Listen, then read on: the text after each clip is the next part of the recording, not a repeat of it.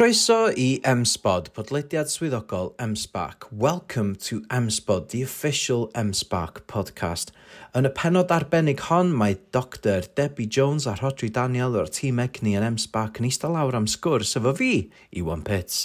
In this special episode, Dr Debbie Jones and Rhodri Daniel from the M-SParc egni team sit down for a chat with me, Iwan Pitts. Mwynhewch, enjoy a croeso i M-Spod. Iwan Pits ydw i, fi ydy'r swyddog marchnata yma yn M-Sparc ac efo fi heddiw um, mae um, Rodri a Debbie a dwi di anghofio'n barod, da ni'n neud yr er peth yma i gyd yn Saesneg. So, um, how's it going guys? Do you want to introduce yourselves? There you go, I'll do this in French if you want. Yeah? Spanish. Parlez-vous français? No. Uh, je m'appelle, um, my name's Rodri Daniel. I'm the Low Carbon Innovation Officer in the EGNI team in M-Spark. And hello, I am Debbie. I cannot speak any other language except English or Welsh, so I can't yeah. do French. Um, yeah, I'm Debbie. I'm the Low Carbon Innovation Manager here at M-SParc. So um, the team here, the EGNI team, we work across um, all sectors um, under that net zero umbrella. So supporting big projects from new nuclear, offshore wind, tidal, marine, all the way through to decarbonisation support for small businesses in and around Wales. And I guess we're here today to talk about net zero and our plans to get there, I guess. So um, we've set ourselves a target of being net zero by 2030. Am I right in saying that? Yeah, that's right. And you are the guys who are going to make that happen. Oh yeah, Rhodri, you've done a carbon literacy course that I've mm. I've been allowed to go on uh, very recently. you were forced to go on. yeah, well, so net zero 2030 is the idea that we as an organisation will become net zero by the year 2030 net zero meaning that there is no net emissions from our activities. So if you add up all of the uh, you know emissions that uh, come out of our activities, uh, such as on site and through our supply chain, if you add all of that together and then take away the carbon that we take away from the atmosphere, does that equate to positive or negative value? And hopefully it'll be net zero. Is the idea. Net zero being different to carbon neutral. With carbon neutral status, you can say you're carbon neutral if you purchase enough uh, carbon offsets. So we're not offsetting, we're actually meaningfully reducing and abating our emissions on site as much as we can. And then there'll be a small amount, hopefully about 10% at the maximum, of offsetting carbon at the very end. Certain things that we can't uh, abate completely like your cement mixer or something that we have on site, you know. yeah, of course. I guess it was really important to us to make sure that we're not only helping others do it, but that we're doing it ourselves. You know, we're very fortunate that we have a team here with the sim- some level of understanding of what all of this means, and therefore we can make semi-educated decisions and implement it. And so, by doing that process and learning from it, hopefully we can share that learning with others and, and hopefully share the pitfalls and the successes so that others can do the same. If you're a business or an organisation uh, anywhere in the world, you are any of your uh, activities which will emit carbon dioxide or other greenhouse gases are going to be broken down into or fall into one of three scopes, they call them categories, right?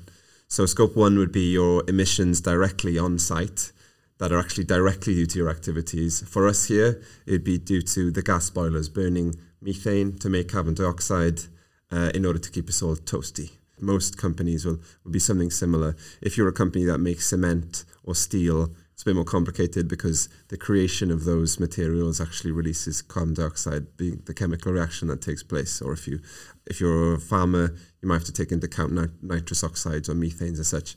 So that's scope one, direct emissions from your activities. Scope two is emissions that are associated with the power, usually the electricity that you consume. For us here, um, we have a, a green or a nuclear tariff.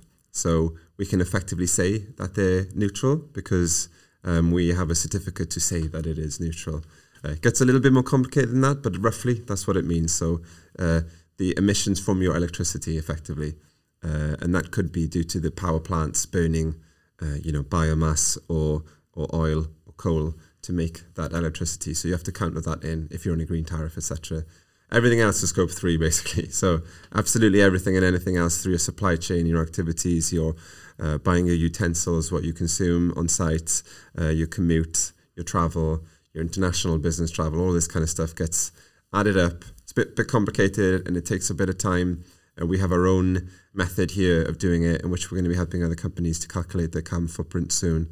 And so that's the tricky bit, really, is to kind of uh, calculate your scope three emissions, which means that you can then uh, add them all up together and you know what your carbon footprint is as an organization. And so, uh, yeah, that's where we'd come in to kind of help out with these kinds of uh, calculations. And of course, one of the problems probably is like when you're when you're trying to measure like your carbon footprint, Yeah, you're finding more and more. more and more. The process of going from the first carbon review we did maybe two years ago Mm. to the more recent one where we did a, a more in depth analysis, especially of that scope three, I think our emissions have on paper gone up slightly. Yeah. They, they probably haven't realistically, but we've been able to track and measure an awful lot more, which gives us a more realistic view of that carbon footprint. But obviously, numerically, it's a higher number than it was Yeah, when we but- were counting it. But it was always that high. Yes. Oh, yeah. We just didn't know It's it. a, which is a good thing in that sense. It's gone up in the sense that we now know, uh, uh, you know, the unknowns that we didn't know before. Yeah. And um, we now know it's more of a transparent process now that we can say, well, these are our actual emissions now. It, it feels a bit rubbish that if I'm tasked with with reducing our carbon footprint, then I go, well, good news, it's increased. You know, it's not the best, but uh, it, in a way, in, in another way, it is good that we know everything now because a part of the process for us is going to be officially accredited um, and certified um, by an international body, a standardization that will certify that we are net zero, right? Because what happens is is that anybody can kind of say, "Oh, I've done my own homework. Turns out I'm a great guy and I'm net zero."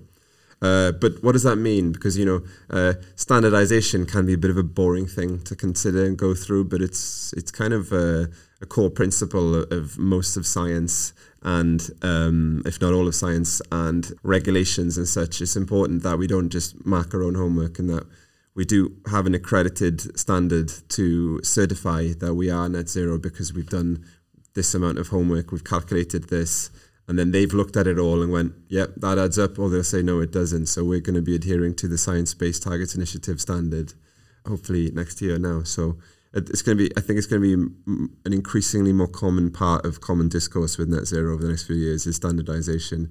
Because we need that as a society as well. We just don't, we don't want a wild west where everybody just goes off and does their own homework, and so, you know, because uh, we won't reach net zero as a world if everybody does that. There'll be some people who are honest and some are not. Yeah, you've got to hold yourself accountable, and we're d- and you know we're doing that at M-SParc. And um, are we helping our tenants? Like, are they in on the net zero, or is there a way for them to be involved? So one of the plans that we've launched, uh, one of the projects under this net zero uh, ambition is called Diffodd the Spark, which is extinguish the spark, which you know, when you're looking at becoming net zero, yes, we're looking at changing our gas usage over to maybe electricity, looking at those green tariffs, but there's an awful lot around um, sustainability and how we actually use electricity and our heating systems and being more efficient with everything. So that's a really big part of the driver um, around the Diffodd the Spark campaign is looking at do we need to keep computers on overnight? Is it better to turn them off? If you've got a radiator on and the window open, maybe close the window and turn the radiator down. Little things like that that can actually have a massive difference. And Rhodri, you've done quite a bit on mapping that, and we've seen quite a good result from the gas. Yeah, we you know just by implementing a few small changes here and there, such as um, you know reducing demand is the number one um, you know uh, consideration that any organization should uh, think about. If not in, in the world, there's so much inefficiency and there's so much wastage, but just reducing the amount of demand that we require and have another think about it. And like you were saying, the more you research, the more you realize. You know, it's kind of the similar when you when you look into your own processes and activities, the more you realize we were wasting energy here. Uh, that doesn't need to be on. Why? Did, why is that on, etc. And it's funny that it always defaults to wastage and not like, oh, we could be, we could use more energy, you know. But uh, that's just the way of human nature, I suppose. But yeah, so reducing demand is, has been one of the uh, number one. Um, key tenets of uh, Diffodd the Spark and Net Zero 2030. So what we did is we looked at our gas usage and we looked at our ways of dec- of dec- decreasing the usage whilst also maintaining, you know, tenant comfort um, in, in, as well as staff. Um, and we saw that we didn't need to have the gas boilers on as hot as they were. They could be 10 degrees cooler and we still have the same amount of uh, heat going into the building. You know, there's a there's a particular process that happens in a gas boiler, even at home. Goes, they're called condensation boilers because below a certain temperature, um, they start to condense the water, uh, which comes back around um, from the outlet pipe. And so if you're too high a temperature when that water comes back, you actually lose 10% efficiency. And um, you know, uh, having another look at um, thermal jackets for the pipe work and having another look at time scales for when the boilers kick in and off and just dropping down the uh, temperature by two, one or two degrees can drop your entire usage by 9%. So we've seen a significant drop in our gas usage uh, this year compared to last year. Confusingly, our electricity is actually going up. Now we are a business, uh, we are a science park, so we have you know 200 people here work on site. We think it's because of capacity has gone up since last year, since we measured, because people are coming into the office a little bit more than they were even after the, the lockdowns were kind of stopping last year. So, or you know, people will come to the office more. So yeah, um, it's a bit of a confusing one, especially given that we've installed 100 kilowatts of PV on site. But uh, it's all part of the process, and the more we delve into it, the more questions get raised. And um, but so it's not always an easy, you know, straight line. Uh, but uh, strap ourselves in on the road to net zero. It, I think that's what makes it really interesting is finding out mm. these random things. And you know, as you were talking about the temperature, I think it's really interesting that you start to learn more. I didn't realise that women generally have a body temperature or are more comfortable yeah. at a slightly higher temperature yeah. than men. So there's lots of things you have to factor in when you start looking at these. It's like what's actually comfortable for an office of women versus an office of men versus a mixed gender mm. office and, and you know even individuals different comfort levels but also then looking at yeah exactly why why is our electricity use going up even though we've done this and being able to delve into that and then it potentially opens up a whole door of other things that we weren't even sure about. You know, we have a, a building management system mm. which is supposed to be really smart to be able to help us control this building in a really smart and efficient way. And actually, the more we've delved down this net zero path, the more we found that maybe that system isn't working the best way it could be. And so it's given us a whole new set of things that we can explore and understand along this this pathway to net zero. And I personally think it's been really interesting, like mm. finding all these things out. Yeah, uh, Tom Burke, our uh, digital innovation manager, he's, he's um, working with you guys on uh, Smart Spark. Yeah, so this Smart Spark project is working with our digital innovation uh, team to look at how we can use digital innovation to put loads of sensors and other things that I don't fully understand well, around to, the building. To make the building smarter. To make the building yeah. smarter so we can get more information so that we can make even better decisions and even more informed decisions and just change the world. Yeah, because if we can uh, get, get to the point with automation and stuff where if, if you know if a room's empty, that lights don't need to be on. That'd uh, be great. Yeah. Electric doesn't need to be on, I guess. Um, yeah, the heating, heating doesn't need to yeah. be on in that room. Yeah. So you know that that that would that would go a long way towards reducing um, our, our usage at least. Yeah. Um, yeah. So w- what can we do? So we've talked about what we can do for our, for our tenants, and obviously we're trying to make the building net zero, and and us as a company net zero. But what what are we doing for um, uh, people outside of the ecosystem of M-SParc? Well, we've actually uh, just developed uh, a carbon literacy course. Oh yes, I've mentioned that I was allowed to go on it. Yeah, enjoyed it very, really very No, it was it was an it was an eye opening course. Yeah, um, but uh, I mean, at, at, points it was.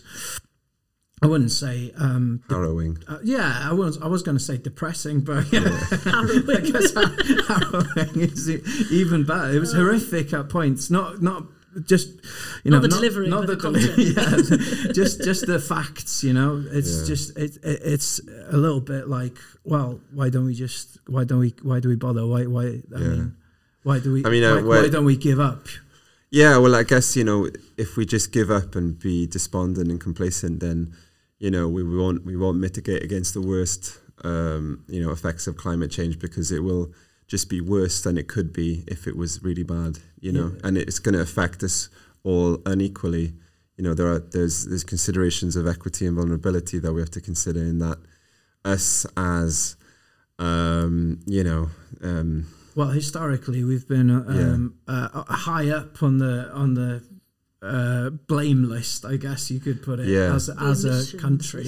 Yeah. So just to understand, that, yeah, just to explain, the carbon literacy course is, is like a large scale educational platform that's kind of franchised out of Manchester University. The idea is that, you know, a company or its um, staff would attend one of these courses and they would become carbon literate by learning about climate science. The, the uh, the science within it, and also um, what the what's the evidence of the effects and the impacts of climate change, and then crucially the uh, the effects the uh, our contribution to it as a, as a country, um, as SMEs, um, as companies, as individuals, and what we can do about it, how we can decrease our you know uh, the the um, the, our, our contribution to it and, and how we can create impact and spread the message. So, and we, we leave the course then being um, certified as carbon literate, and we can put that on our CV. Your company can have uh, reputational advantages by saying your staff is carbon neutral, uh, carbon literate, and that will then uh, spread because these companies can then deliver the course themselves. And uh, the idea is that we all as a society become carbon literate and become aware of the problems and the potential solutions to this. So the point of it is that we're going to be helping other companies in our ecosystem, our tenants and companies all around North Wales. Um, our course is accredited for North Wales-based SMEs at the moment.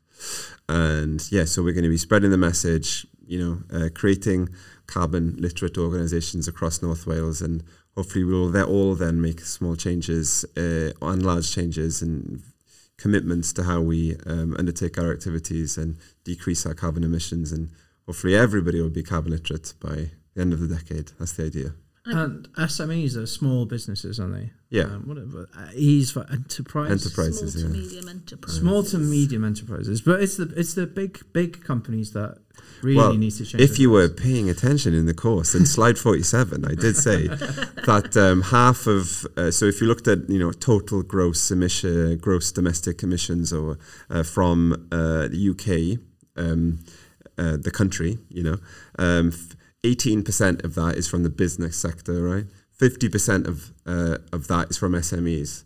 So 99% of all um, British companies are small to medium enterprises. So that 1%, whilst they are massive compared to your normal SMEs, they do comprise of the vast majority of businesses numerically, and they account for 50% of all of that 18%. So 9% of all UK emissions total are SMEs. And so it's important that, you know, we all do our bit. Um, that, and it's, you know, you could say the same thing about, you know, China.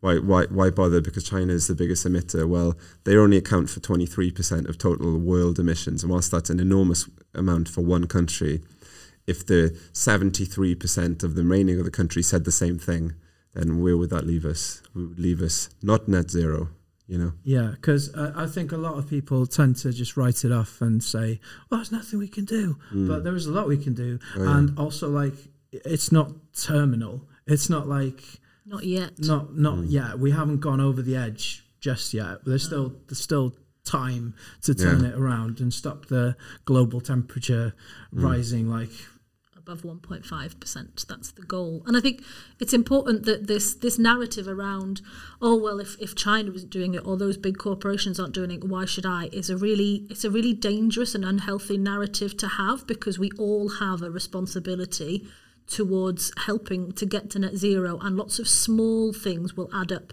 to large interventions and if everybody has that attitude as Rhodri said we're never going to get there and ultimately it's like cutting your nose off to spite your face. Mm. Oh, I'm not going to recycle and I'm not going to do what I can. Oh, my house is flooded every year for the last five years because of sea level rises. Whoops. Like it's too late once those things are happening. So the more we can do now to mitigate against these things, the, the better chance we have of a, of a stable future. And, you know, we're all fairly young of a similar generation, but, you know, if children younger than us, they're going to really suffer through some of these climate impacts if we don't do something about it now. And I don't think it's fair for us to all sit there and say, oh, I'm not going to bother because so and so isn't bothering when it's children that are going to be ultimately paying the price for that. I just don't think that's right. Hmm. Yeah, and it's not just children. When you look at who's going to be affected, I wrote, uh, I drew a little picture for you, didn't I, Debbie? Yes, you did. Um, I think I uh, can't remember what I wrote on it. Was it that Climate was change sexist? is sexist. That's right, because it is. It's it's Yep. all about like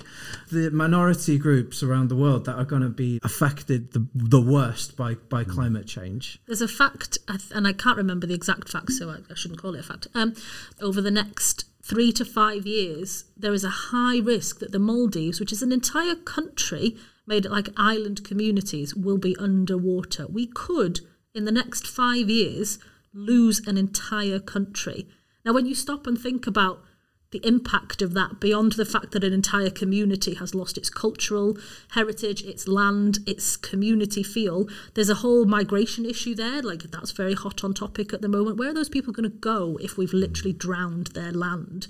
And you start to see that happening, and that's in the next five years. We're going to see that more and more, and you can start to see the wider impacts and implications of that. And it's that's when that, that harrowing point around that that carbon literacy course comes back in, when you start to see that these small changes now lead to bigger and bigger ones further down the line, if we don't address them soon, we could be in a position where we're going to really struggle with this. And so it's important that everyone does their bit.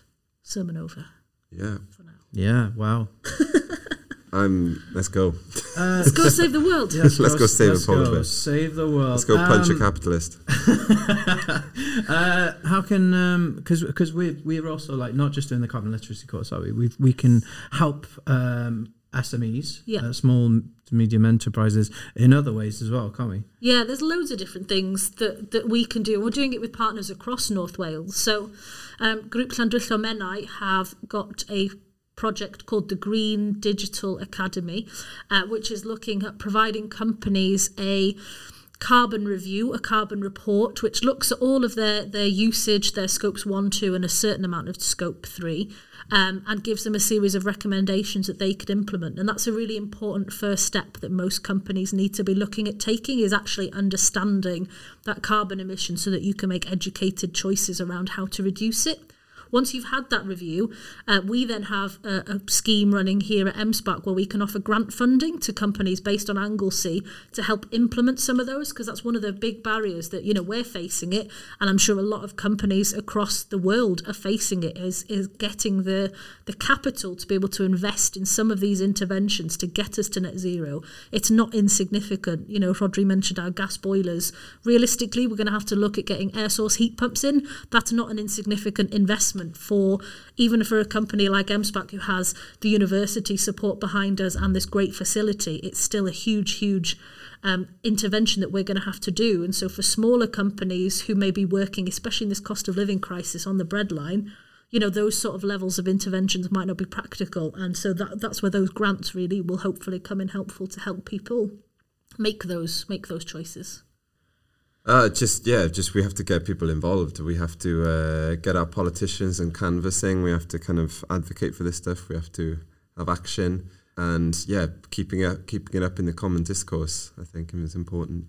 yeah keeping pressure on those that can help us help the planet We have to vote in the parties which have the green policies. We have to vote with our feet, you know, with the voting point, uh, voting booths. Um, spread the message and uh, all make the, as much changes as we can. You know, there are many, many, many things that you can just type into Google that will tell you, you know, ways that we can reduce our carbon footprint. Or you can come on a carbon literacy course and talk to me for seven hours. you know Seven and a half. seven and a half it depends how intelligent and efficiently they learn i guess maybe you were just slow Maybe. Maybe.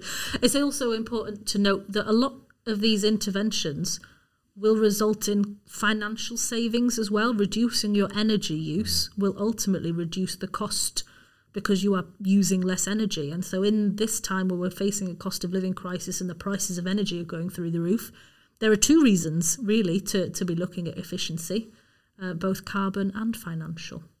Mm. Merry Christmas. Merry Christmas. If you want to see a house with amazing Christmas lights, please come and see me.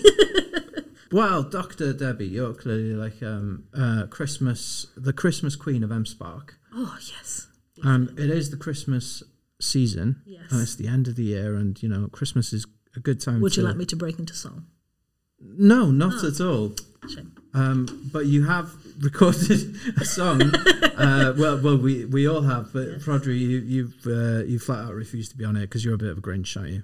That's a little bit, yeah. just a little bit but it's um um you know it's, it's that you can check that out on our socials um we've got the green tech accelerator coming up in the new year Yeah. um that's all registered out so there's no more room for anyone to join Nope, but if people are interested, please let get in touch because there will be more programs like that running throughout 2024.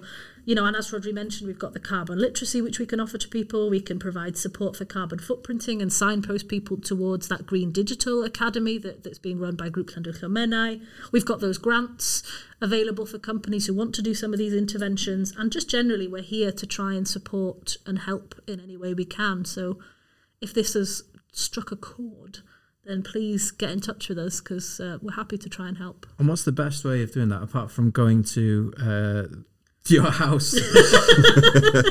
apart from finding my Christmas house, um, there's a couple of ways that you can get in touch with us. You can drop in. M-SParc is open. Um, Monday to Friday, and we have a lovely cafe here. So if you want to drop in for a panad, and then you can always ask Catherine at reception um, to chat to any of us in the Egni team, and she'll she'll get in touch. She'll pull one of us out if we're free. Or you can have a look on the M-SParc website. There's a whole page dedicated to the Egni team, and our contact details are on there if you want to drop us an email or pick up the phone. How how would someone have a carbon neutral um, or yeah, it's carbon net zero. Car- net zero Christmas? I think carbon neutral like scans better with Christmas. I'm going to rephrase that. I'm going to have a think. Okay. Think, How would someone have a net zero New Year? As in well, making it just the New Year's resolution, I guess, is to Yeah. is to research ways Well, of reducing your carbon footprint and then do that and pledge and you know The undertake ple- that action The pledges are part of part Yeah. of the Yeah. and make that commitment, I guess. But like in terms of Christmas, um, obviously using LED lights. Um, I'm not I'm not being a complete Scrooge and saying no more Christmas lights to anybody because they're for the spark and we got to turn off the lights. I won't Yeah. be having that. yeah, but um, you know, Lo- if you- locally sourced uh, f- food. Yeah. absolutely locally sourced food, turning down the radiators a little bit. Wear a jumper. Wear more jumpers. Christmas jumper. Christmas jumpers, yeah. uh, locally sourced food, um, you know, turning down the temperature on uh, the gas boiler and the washing machine, and uh, turning your gas boiler off eco into onto eco mode. Slightly less consumption, maybe uh, less Amazon, more just buying from local artists and you know, um, you know, creators of, Yeah. of all sorts of gifts that you can get people. people. Yeah. Um, that will reduce your carbon footprint. Sli- uh, you know, if we can, slightly less into uh, less travel and international travel. Yeah, I mean, there's lots of not lot, there's lots of additional measures. I mean, you know, if you do have the happen to have a spare seven grand, then yeah, buy an air source heat pump for Christmas for for mum and dad kids, or you know, it'd be looking at moving your uh, electricity tariff to a green one Yeah. these are quite significant changes that we can all make that will for eventually if we all move over to an electricity tra- tariff it's not re- there's not actually enough renewable energy in the country right to, for us all to do that because that electricity still comes from power plants but it, it's a bit complicated but if I move to a green tariff it doesn't actually mean that the electrons I get in my house are actually from a wind turbine you know it just means that the through the system and the buying and selling of kilowatt hours on the market that there is a certified amount that I have bought that is genuinely from a wind turbine, right? But if we all move over to these kind of tariffs, it forces the governments into action and you know it, it enforces the power stations to kind of realize that there's this much demand and things need to change. And so it, it it's it's getting attitudes uh, and behaviors on board as well, not just kind of um, uh, yeah, just uh, actions, but attitudes as well. yeah. I think I was going to say it's also important to don't be overwhelmed by this. Yes, if you have the capacity and the drive and the desire to make those huge changes with your air source heat pumps, go vegan, get an electric car, these are all great, but there are still things that people can do. If you really want those pigs in blankets on Christmas Day, which I do, get them from a locally sourced butcher so that the carbon associated with them is less than if you were to buy produce from a supermarket which has been shipped all around the country. If you really want to have those Christmas lights on the outside of the house, like I do, then have LED lights, not not energy save, not not energy saving. Have LED Christmas lights because they have a lower um, electricity use than other lights. So there's lots of little interventions that you can go. We don't all have to change the way that we live instantly. It's going to be a slow and incremental process. The important thing is that we're all on that journey and that we're making those steps rather than completely ignoring it. Here we go. Nadolig llawan. A dyna ni, diolch i Rhodri a Dr Debbie am y sgwrs difyr iawn. Cofiwch ganddo nifer o swyddi newydd ar ein gwefan, mae'r dyddiad cael mis Ionawr, felly cerwch draw i weld sefydwch chi ymuno efo'r tîm. Mae hi'n nadolig a da ni gyd am cael wythnos i rechargio'r batteries a dathlu, ond fydd M-Spark ar agor eto o'r ail o Ionawr ar gyfer hot desgio a digwyddiadau cyffroes, fel yr un AI creadigol, lle fydda ni'n dysgu am pa mor ddefnyddiol ydy AI wrth wneud gwaith creadigol. Wel, yn eich yna. It's Christmas! And we're going to be off for a week or so, living our best carbon net zero lives. But M-SParc will be open again for hot desking and events from the 2nd of January, including a creative AI event where you can learn about the usefulness of AI as a creative tool. Remember, we have several new jobs on our website. The closing date to apply is in January, so check it out to see how you can join our team. Thanks for listening. Diolch am rando. Nadolig llawen.